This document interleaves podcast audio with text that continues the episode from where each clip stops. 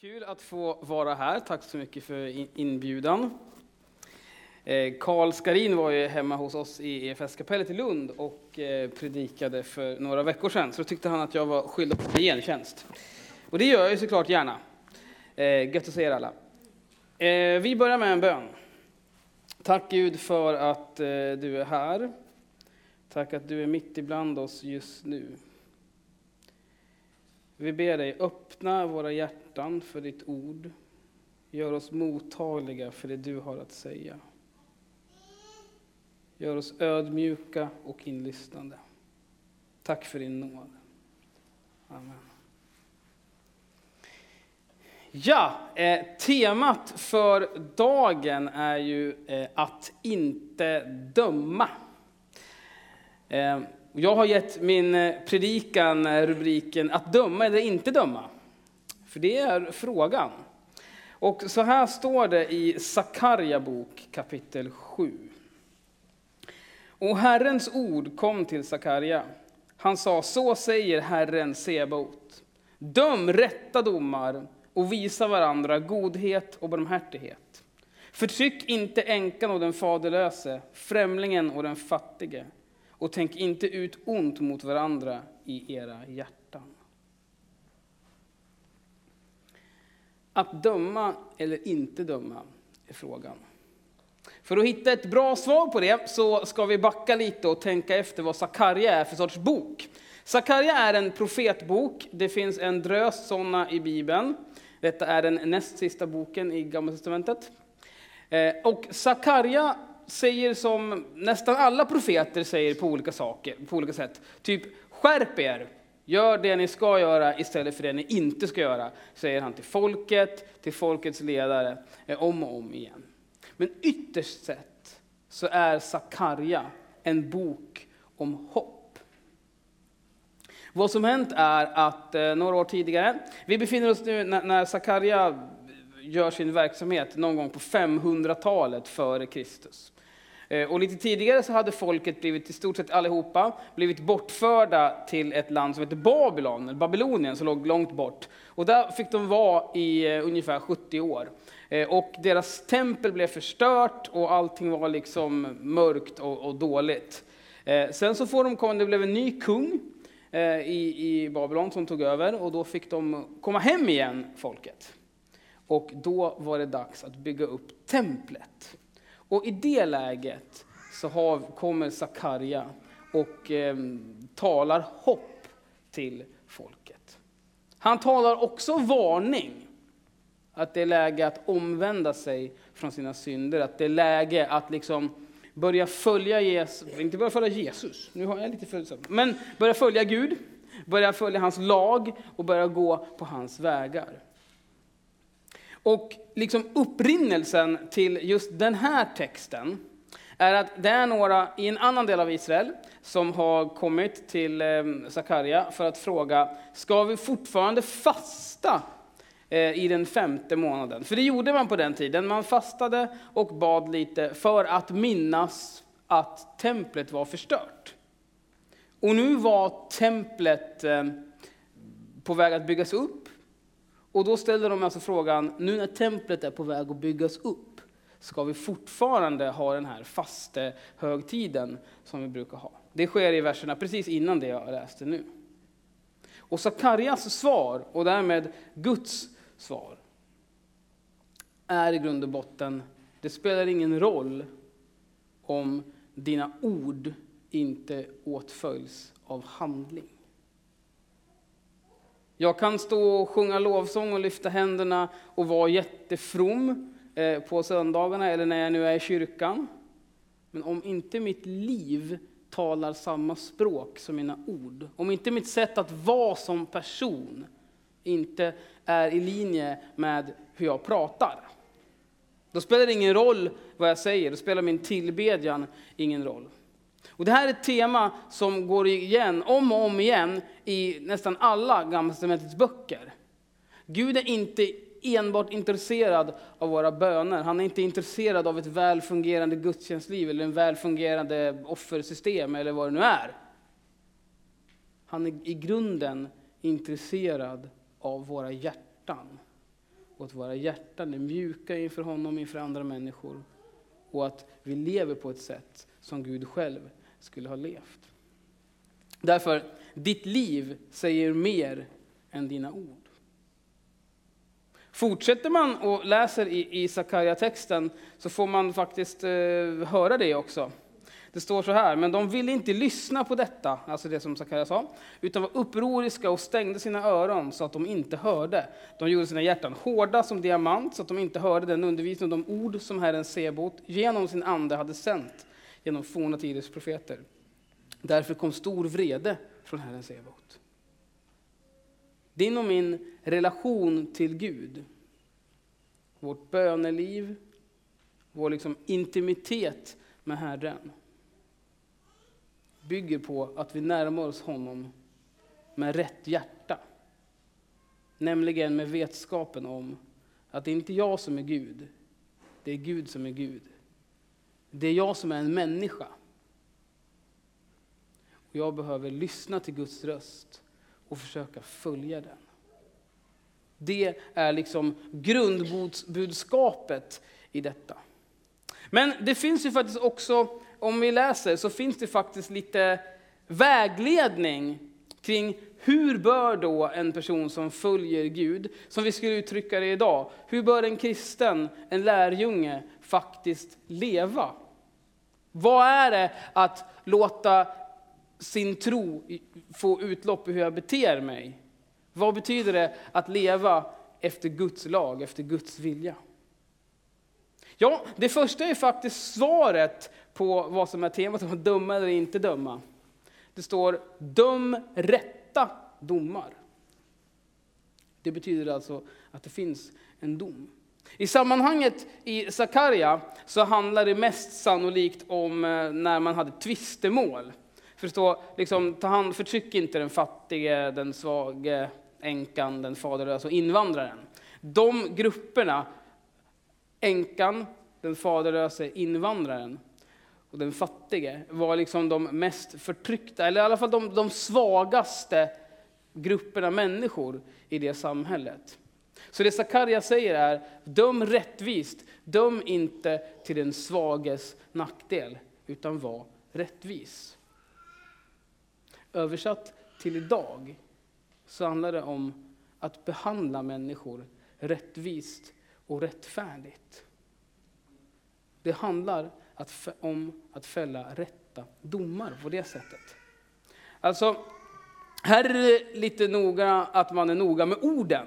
När Sakarja talar om att döma rätta domar, så talar han framförallt att liksom, när två personer ligger i tvist med varandra, att liksom vara rättvis där, helt enkelt. När Jesus säger, inte heller jag dömer dig, till kvinnan som begått äktenskapsbrott, så menar han inte riktigt det. Utan då menar han dom i meningen att uttala sig definitivt om vem en person är, eller vart den är på väg. Och den sortens dom ska vi akta oss för. Att säga att du är körd, du får inte vara med, och du är superhelig, du får vara med. Den sortens dom ska vi inte ägna oss åt. För det är inte du eller jag som bestämmer det, det är Herren själv. Däremot så är det inte dom att uttala sig om vad som är rätt och fel. Det gör Jesus hela tiden, det gör profeten i Gamla Testamentet hela tiden. Och det är vad mycket av Bibelns undervisning handlar om. Vad är liksom en god inriktning i livet och vad är det inte? Jesus säger ju faktiskt till och med, om man läser noggrant, så säger han, inte heller jag dömer dig till den här kvinnan. Han säger, gå och synda inte mer. Alltså har han uttalat sig om att det kvinnan gjorde faktiskt var synd. Var någonting som inte var gott i Herrens ögon. Vi vet inte exakt vad det var hon gjorde, äktenskapsbrott. Det kan betyda att hon låg med en man som var gift, eller att hon själv var gift och hade sex med någon annan. Men i, vilket fall, någon form av otrohet hade hon deltagit i. Och det Jesus säger att det är synd, men jag dömer dig inte för det.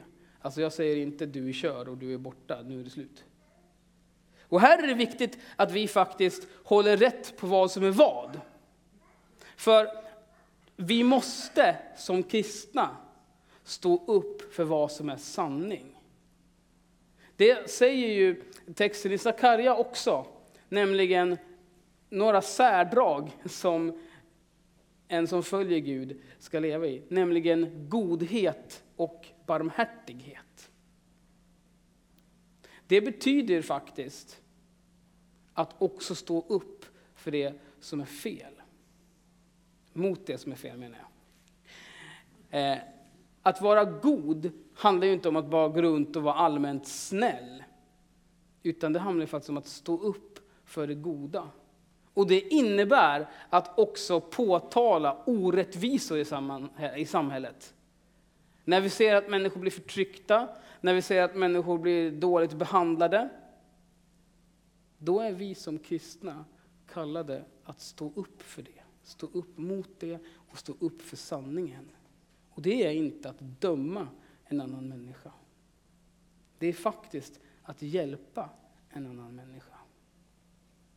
Givet såklart att vi gör det också med den ödmjukheten och den kärleken som Jesus skulle ha gjort. Om man tycker att det är så kul att förmana folk, lite kul att bara, nu får jag minsann trycka dit eh, dig lite. Eh, då är man fel ute. Men om man har lärt känna Jesus och lärt känna sanningen och längtar efter att se människor leva i den, då är det faktiskt någonting gott att påtala orättvisor, att påtala saker som behöver ändras i sitt eget och i andra människors liv. faktiskt.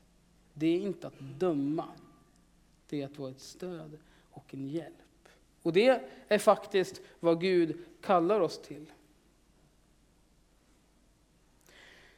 Vidare så talar han ju då om godhet och barmhärtighet. Jag vet inte hur du känner, men ordet barmhärtighet är för mig ett väldigt så här, kyrkigt ord. Jag använder det nästan inte om jag inte läser Bibeln eller så.